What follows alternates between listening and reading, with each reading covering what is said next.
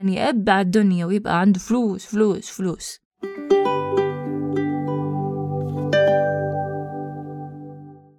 أسعد الله أيامكم بكل خير أعزائي المستمعين معكم غادة وهذا بودكاست كلام في الكلام وش هدفك من الحياة؟ وش أهدافك اللي تبي تحققها؟ طبعا في أكثر من جواب ولكن لو كان جوابك بأنك تبي تحقق ذاتك أو تبي تنجز أو تبي تترك بصمة في الحياة فالحلقة هذه موجهة لك عزيزي أو عزيزتي المستمعة. تبي تصير مشهور أو تبي تصير غني أو ذكي أو عالم أو إلى آخره هذا الشيء يتطلب مجهود يتطلب شغل يتطلب تعب يتطلب تفكير وأيام مضنية وقلة نوم والكثير الكثير من الأشياء هل هذا صح؟ طيب في صورة بدأت تظهر بال... بآخر يمكن عشر سنوات اللي هي صورة الرجل أو امرأة الأعمال اللي يظهرون بشكل أنهم مستعجلين وأنهم متوترين وأنهم ما ينامون كثير وأنهم يجيبون شغلهم للبيت وأنه علاقتهم مع أهلهم ومع أطفالهم مو ذاك الزود وأنهم دائما عندهم meetings ودائما عندهم اجتماعات غير منتهية فصار في هذا ال lifestyle. ففي كثير مننا يحس أنه آه هذا طموحي أنا أبغى إذا كبرت أصير زي كذا. أو أنا أبغى إذا اشتغلت أشتغل بهذه الطريقة لأن هذه الطريقة الناجحة. طبعا جزء كبير من رجال الأعمال في لقاءاتهم يقولون هذا الكلام إن دائما نومنا قليل ودائما عندنا اجتماعات ودائما نشتغل لوقت متأخر وأساسا المفروض إن الواحد يسوي زي كذا عشان يتبع أحلامه وعشان يأبع الدنيا ويبقى عنده فلوس فلوس فلوس. عزيزي عزيزي الموظف عزيزتي الموظفة عزيزي الحالم مو هذه الطريقة هي الصح. الطريقة الصحيحة لا تشتغل بكثرة تقتل نفسك ولكن اشتغل بذكاء. بحيث إنك سالفة الاجتماعات الفاضية هذه والبهرجة والبرستيج وشغلة إنه والله كل رئيس يمسك تيمة ست ساعات في اجتماعات مفرغة وكلام طويل عريض ما لأمه أي سنع ما لأمه أي فايدة. هذا مضيعة وقت. مضيعة وقت مضيعة فلوس لأنك بتجيب موظفينك يوم كامل من غير ما يسوون شيء بس مجرد التفكير ومجرد السوالف ومجرد الهذرة. دفعت رواتب على غير سنع يعني في كثير ناس أشوفهم سواء رؤساء أقسام أو مدراء أو أو حتى موظفين يقول لك okay بنجتمع وبنسوي اجتماع وما أدري وشو. الاجتماع ياخذ بعض الأحيان أقل شيء أقل شيء يكون أربع ساعات. طيب اجتماع في نقاش الكل يعطي من جيبه وجزء كبير أساسا الهدف الأساسي من هذا الاجتماع اللي هو أنهم يهزئون فلان. فيروح الوقت تهزيء بفلان وما يطلعون بحلول. وأكبر دليل لما يجون بعدين يكتبون محضر الاجتماع يكتشفون أنه ما في نتائج. أوكي ناقشنا موضوع المدري وشو ناقشنا موضوع المدري وشو الموضوع المدري وشو. طيب إيش المخرجات؟ نعود للأستاذ فلان الفلاني عشان يرد علينا بعد يومين ويشوف يحل المشكلة اللي عنده. طيب ليش سويت اجتماع أربع ساعات؟ إذا في النهاية حترجع لفلان الفلاني يحل الموضوع. ما المفروض في هذا الاجتماع يتم فيها حل المشاكل. ولكن لأنه أنتوا أساسا ما أنتوا عارفين إيش قيمة الاجتماعات أو وش الهدف الحقيقي من الاجتماعات. أفضل شيء في الاجتماعات إنه يكون اجتماع مقنن ومعروف إيش الفائدة منه أيضا العصف الذهني. آه يا العصف الذهني كم أكرهه. أكرهها ليش؟ لأنه عندنا مشكلة مع مفهوم العصف الذهني حنا. بالعادة أو المفترض عشان يكون عصف ذهني صحيح وفعال أنه يكون يعني بمدة 15 دقيقة 20 دقيقة بالكثير. وبعدها مفترض أن الكل يقوم بالبحث حقه يقوم بجمع المعلومات يقوم بدمج مثلا الأفكار أو, أو كل واحد بناء على مهمته وبناء على وظيفته.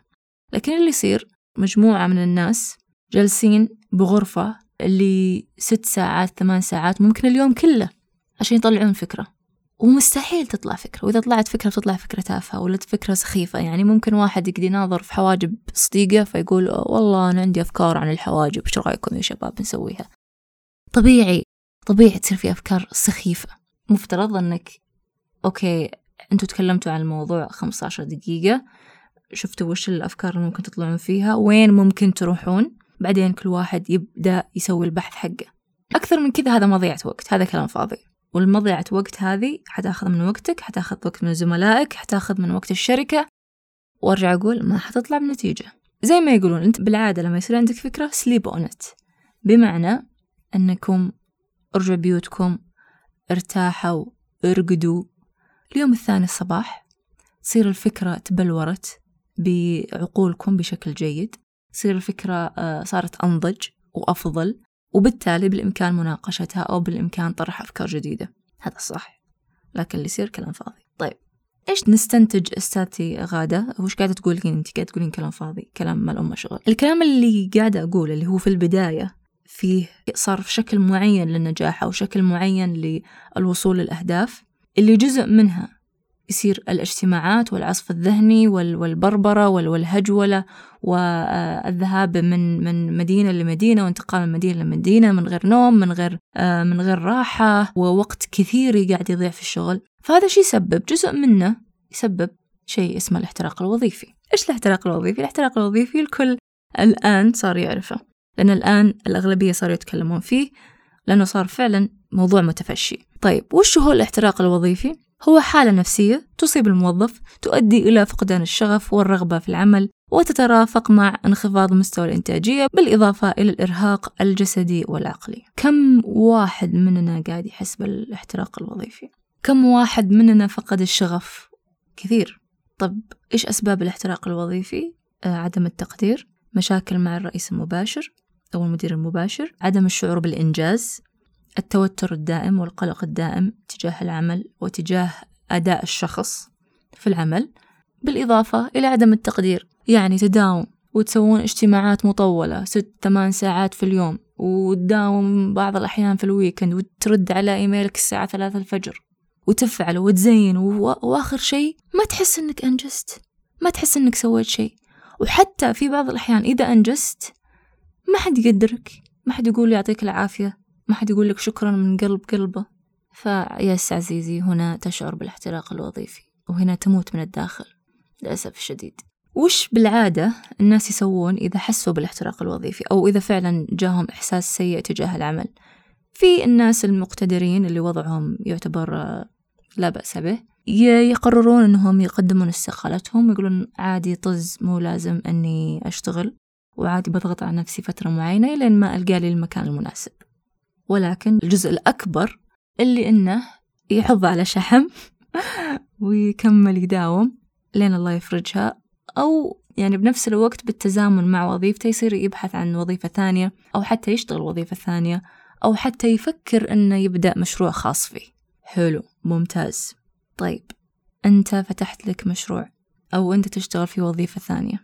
عشان ما يجي اليوم اللي يتم فصلك أو يتم الاستغناء عنك تحاول أنك تنجز في كل الوظيفتين عشان ما في شيء يأثر على الثاني. هنا لا نوم زي الناس لا أكل زي الناس توتر ألف. الضغط مرتفع 24 ساعة النفسية تعبانة 24 ساعة. قلق توتر وفوق هذا ومع الزحمة هذه كلها يصير في عندك شعور صغير أنك تبي تعيش حياتك. وأنك تبي تطلع وأنك تبي تروح وأنك تبي تقابل أصدقائك وأنك تبي تقابل أهلك. لكن ما في وقت. اليوم في 24 ساعة. خلينا نقول 18 ساعة في اليوم أنت تشتغل. فعندك يعني ها ها كم ساعة كم ساعة تبي تنام وتبي تاكل وتبي تقابل أهلك. حبيبي شلون؟ لا صدق شلون؟ لا يعني يعني صدق صارحني بالله كيف؟ حرام عليك. والله العظيم حرام عليك. يا جماعة إحنا رايحين إلى الجدار والحفظ الله حرفيا. كل ما زاد العمل وكل ما صار الشخص فعلا بعيد عن نفسه وعن حياته الخاصة كل ما صار في مشاكل نفسية جسدية حسية احساسية كل أنواع المشاكل تجي. فطول الوقت في حالة قلق طول الوقت آه، مضغوط طول الوقت يحس إنه آه، ما في وقت ما في وقت مستعجل مستعجل. فيرتفع فجأة ضغط دمهم أو ينخفض يصير آه، ضغط الدم مرجحة مرة فوق مرة تحت. بالإضافة إلى انسداد الشرايين حلو أو الجلطات أو السكري أو ال disc لأنه جزء كبير مننا يجلس على الكرسي مدري كم ساعة. كم شخص من الناس صار عنده disc وكم من شخص تأثر بصره؟ وصار ما عاد يشوف كويس فجأة الأشياء تدخل على بعض لأنه 24 ساعة جالس على الجهاز قاعد يشتغل. كم من شخص صار عنده توتر؟ كم من شخص صار عنده قلق؟ كم من شخص صار عنده اكتئاب؟ طيب كم من شخص عنده اضطرابات في النوم؟ أوه يا ساتر كثير كثير كثير كثير قوي. طب في حال لا قدر الله وصار لك شيء بعيد الشر عنك من بيعوضك؟ okay صح في بعض الأحيان يصير في تعويضات ولكن هل تعتقد أن هذا التعويض حيبرد خاطرك؟ أو فعلا هذا التعويض يستاهل هذا الشيء اللي أنت قاعد تسويه في نفسك؟ كل هذه سببها اللي هو ال lifestyle اللي تم خلقه في عقولنا لفترة من الزمن. اللي نحس إنه لازم نسوي كذا ولازم نصير كذا 24 ساعة كذا متوترين ومستعجلين ومعانا ال laptop وال iPad. oh my God لا حد يكلمني. أنا مرة مشغول. لا مو كذا.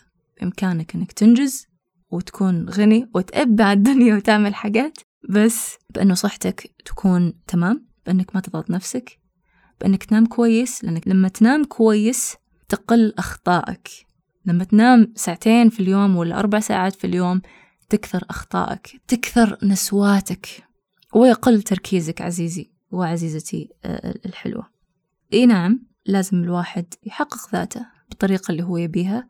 وصحتكم يا جماعة نفسيتكم يا جماعة روحكم يا جماعة. في جزء كبير من الناس صار تحس إنه بلا روح. تجلس معاه على أساس إنه أوه مجتمعين جالسين بالكافي ونسولف ومدري وشو. ما ما في روح. ما في حال حتى يسولف. من كثر الكرف من كثر يعني ما هو يعني وجهه أشهب مسكين. ف relax ارتاحوا شربوا مي كلوا قمح. عشان قلبكم وعقلكم الحلو ما يتأثر. وتوصلون لأحلامكم وأهدافكم المرجوة. إلى هنا خلصت حلقتي. شكرا لكم. وثمن